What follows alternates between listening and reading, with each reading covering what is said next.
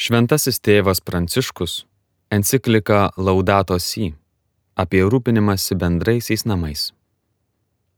Laudato Si signore, būk pagarbintas mano viešpatie, gėdojo šventasis Pranciškus Asižėtis. Šioje gražioje giesmėje jis primena, kad mūsų bendrėjai namai taip pat yra tartum sesuo, su kuria dalyjamės savo egzistenciją ir lyg gražimus apkabinanti motina Būk pagarbintas mano viešpatie per sesę žemę, mūsų motiną, kuri maitina, valdo, brandina įvairius vaisius, gėlės spalvingas ir žolę.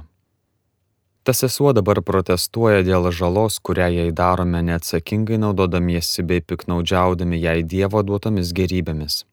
Užaugome manydami, jog esame jos savininkai ir šeimininkai, turintys teisę ją plėšti. Smurtas, glūdintis nuodėmės sužeistoje žmogaus širdyje pasireiškia ir lygos simptomais, regimais dirboje, vandenyje, ore ir visose gyvose būtybėse. Todėl engiama ir niokojama žemė labiausiai apleista bei trypiama iš visų vargšų, iki šiol tebedūsauja ir tebesikankina. Užmiršome, kad ir mes patys esame žemė. Planetos elementai sudaro mūsų pačių kūnus, jos orų kvepuojame, o jos vanduo teikia mums gyvasti ir mus atgaivina. Nesame abejingi niekam, kas priklauso šiam pasauliui. Daugiau nei prieš 50 metų, kai pasaulis vyravo ties branduolinės krizės riba, šventasis popiežius Jonas XXIII parašė encikliką, kurioje ne tik atmetė karą, bet ir pasiūlė taiką. Savo žinią, Pacem Interis, jis adresavo visam katalikiškam pasauliui, tačiau pridūrė, ir visiems geros valios žmonėms. Didėjančios pasaulinės žalos aplinkai akivaizdoje norėčiau kreiptis į kiekvieną šioje planetoje gyvenantį žmogų. Savo paraginime Evangelijai Gaudim kreipiausi į visus bažnyčios narius trokšdamas paskatinti tebesitėsinti misionieriško atsinaujinimo vyksmą. Šioje enciklikoje į dialogą dėl mūsų bendrųjų namų ketinu įsitraukti su visais. Praslinkus aštuoneriems metams po Pacem Interis 1971-aisiais palaimintasis popiežius Paulius VI ekologinę problematiką apibūdino kaip krizę, kuri yra nekontroliuojamos žmogaus veiklos dramatiškas padarinys. Be to dairiškai išnaudodamas gamtą jis kelia grėsmę ją sunaikinti ir pats tapti šio sunaikinimo auka. Taip pat ir kreipdamasis į Junktinių tautų maisto ir žemės ūkio organizaciją popiežius kalbėjo apie tikros ekologinės katastrofos kaip pramoninės civilizacijos padarinio galimybę, pabrėždamas netidėliotiną būtinybę žmonijai radikaliai keisti savo elgesį. Nes ypatinga mokslo pažanga, įstabiausi technikos laimėjimai, didžiausias ekonomikos augimas, jei nebus lydimi autentiškos socialinės bei moralinės pažangos, galiausiai atsigręš prieš žmogų. Jonas Paulius II irgi vis daugiau dėmesio skyrė šiai temai Savo pirmojoje enciklikoje jis sako, kad žmogus regis nesupranta jokios kitos savo gamtinės aplinkos reikšmės, kaip tik tą, kuri tinka jo tiesioginiam naudojimui ir vartojimui. Vėliau jis kvietė į pasaulinį ekologinį atsivertimą, tačiau sikiu pabrėžė, jog per menkai įsipareigojama autentiškos žmogaus ekologijos moralinių sąlygų apsaugai. Žmogaus aplinkos grėvimas yra labai rimtas dalykas, ne tik dėl to, kad Dievas patikėjo pasaulį žmogui, bet ir dėl to, jog ir pati žmogaus gyvybė yra dovana, gintina nuo įvairialypio naikinimo. Bet kuris siekis geriau rūpintis pasaulį reikalauja iš pagrindų keisti gyvenseną, gamybos ir vartojimo būdus, įsitvirtinusias valdžios struktūras šiandien valdančias visuomenę. Autentiškas žmogaus vystimasis yra moralinio pobūdžio ir suponuoja visišką pagarbą žmogaus asmeniui, tačiau sikiu turi rūpintis gamtos pasaulio ir atsižvelgti į visų būtybių prigimtį bei jų abipusišką sąryšį tvarkingoje sistemoje. Todėl žmogaus gebėjimas keisti tikrovę privalo plėtotis remdamasis suvokimu, kad visa pirmiausia dovanota Dievo.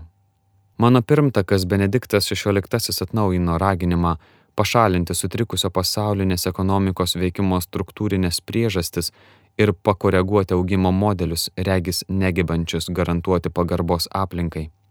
Jis priminė, kad pasaulio nevalia analizuoti izoliavus kokį nors vieną iš jo aspektų, nes gamtos knyga yra viena ir nedalyjama, apima aplinką, gyvenimą, lytiškumą, šeimą, socialinius ryšius ir kitus aspektus. Todėl gamtai daroma žala artimai susijusi su kultūra, formuojančia žmonių sugyvenimą.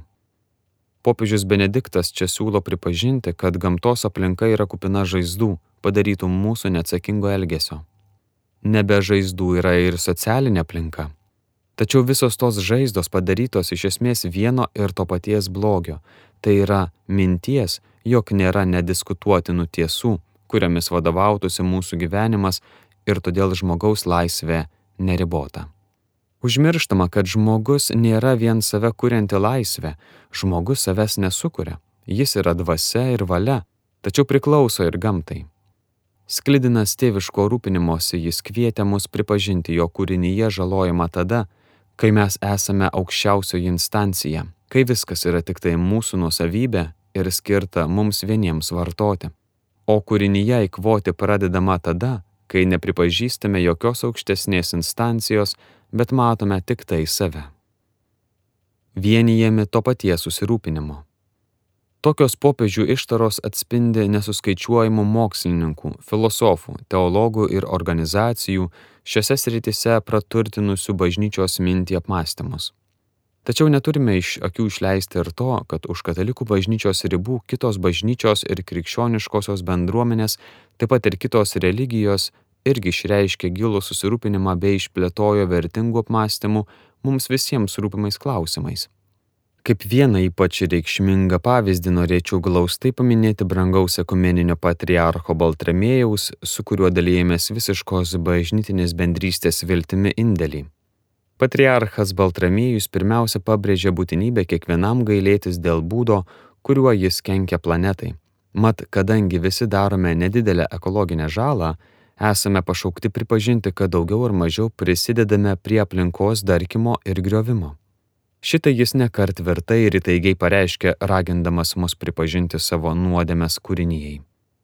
Tai, kad žmonės naikina Dievo kūrinijos biologinę įvairovę, kad kenkia žemiai prisidėdami prie klimato kaitos, atimdami iš žemės natūrales girias ar naikindami jos dregnasias zonas, kad teršia vandenis, dirba, orą, visa tai yra nuodėmė.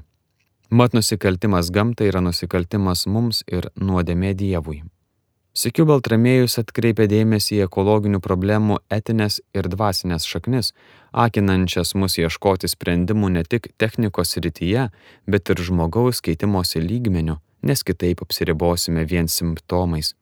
Jis pasiūlė pereiti nuo vartojimo prie aukos, nuo godumo prie dosnumo, nuo įkvojimo prie gebėjimo dalytis, prie skezės, kuri reiškia mokytis duoti, o ne tiesiog atsižadėti Tai meilės būdas laipsniškai pereiti nuo to, ko noriu, prie to, ko reikia Dievo pasauliui.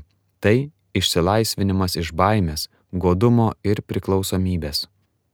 Mes krikščionys be to esame pašaukti laikyti pasaulį bendrystės sakramentu, būdu dalyti su Dievu ir artimu pasauliniu mastu.